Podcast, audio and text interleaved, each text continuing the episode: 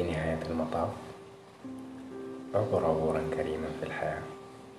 لا تؤذي نفسا ولا تكسر قلبا ولا تبكي عينا ولا تجرح روحا ولا تقتل حلما ولا تطفئ بسما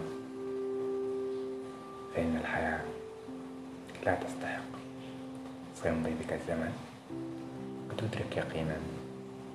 أن خير ما يصفر به الإنسان في هذه الحياة هو أثرا طيبا وذكرا حسنا. محمد فاروق برنامج ترتيب.